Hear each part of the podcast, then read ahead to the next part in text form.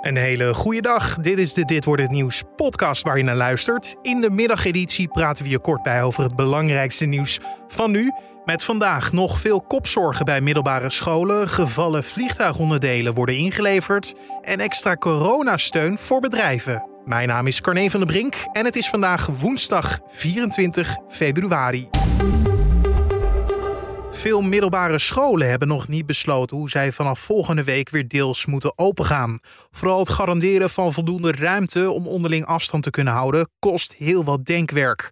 Zo tobben schoolbesturen over het huren van externe ruimtes en over de invulling van het lesrooster, nu ze minimaal een dag per week fysiek onderwijs moeten gaan geven.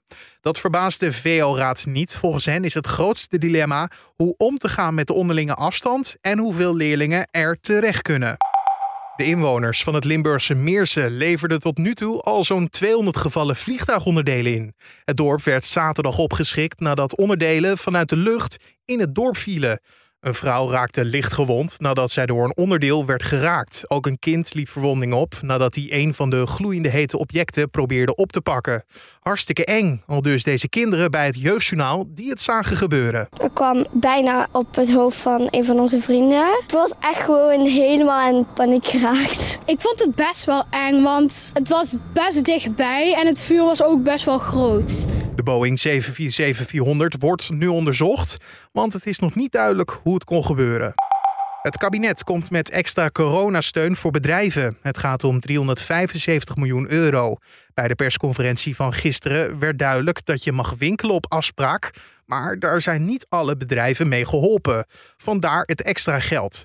De horeca moet de deuren ook nog dicht houden. Een meerderheid in de Tweede Kamer wil dat er toch gekeken gaat worden of de horeca al open kan. Geert Wilders van de PVV was hier vrij duidelijk over. Die sector is iedere keer opnieuw, worden ze op het allerlaatste uh, plafond gezet om ook weer een aanmerking te komen voor een versoepeling. Terwijl we allemaal weten dat er ontzettend veel goede protocollen liggen in die sector, waardoor ze nu al verantwoord open kunnen. De NOS gaat aangifte doen tegen journaalgijzelaar Tarek Z. Hij waarschuwt in een video op Instagram voor de NOS en de publieke omroep. Zes jaar lang heb ik niks van mezelf laten horen. Ik heb in de gevangenis gezeten. Maar sindsdien is er niks veranderd. Bij de NOS niet en ook niet bij de publieke omroep. Ik ben Tarek Z. En jullie worden nog steeds voor de gek gehouden. Daarom, ben, ik terug. ben ik terug. Volgens de NOS gaat het hier om intimidatie. Z drong zes jaar geleden de NOS-studio binnen met een gaspistool en toen ging het journaal niet door. Het OM sprak eerder uit dat de desbetreffende video niet strafbaar is, omdat er naar hun inschatting op deze manier geen strafbare feiten worden gepleegd.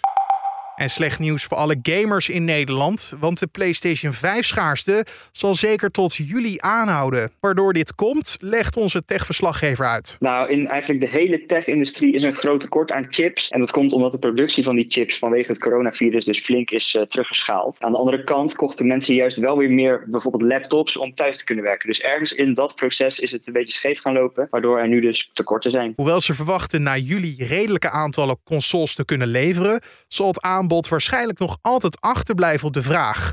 Concurrent Microsoft zei eerder al dat ze leveringsproblemen tot de zomer verwachten. En dan het weer van Weerplaza. Het is en of was vandaag zeer zacht met een maxima tussen de 15 en lokaal 20 graden.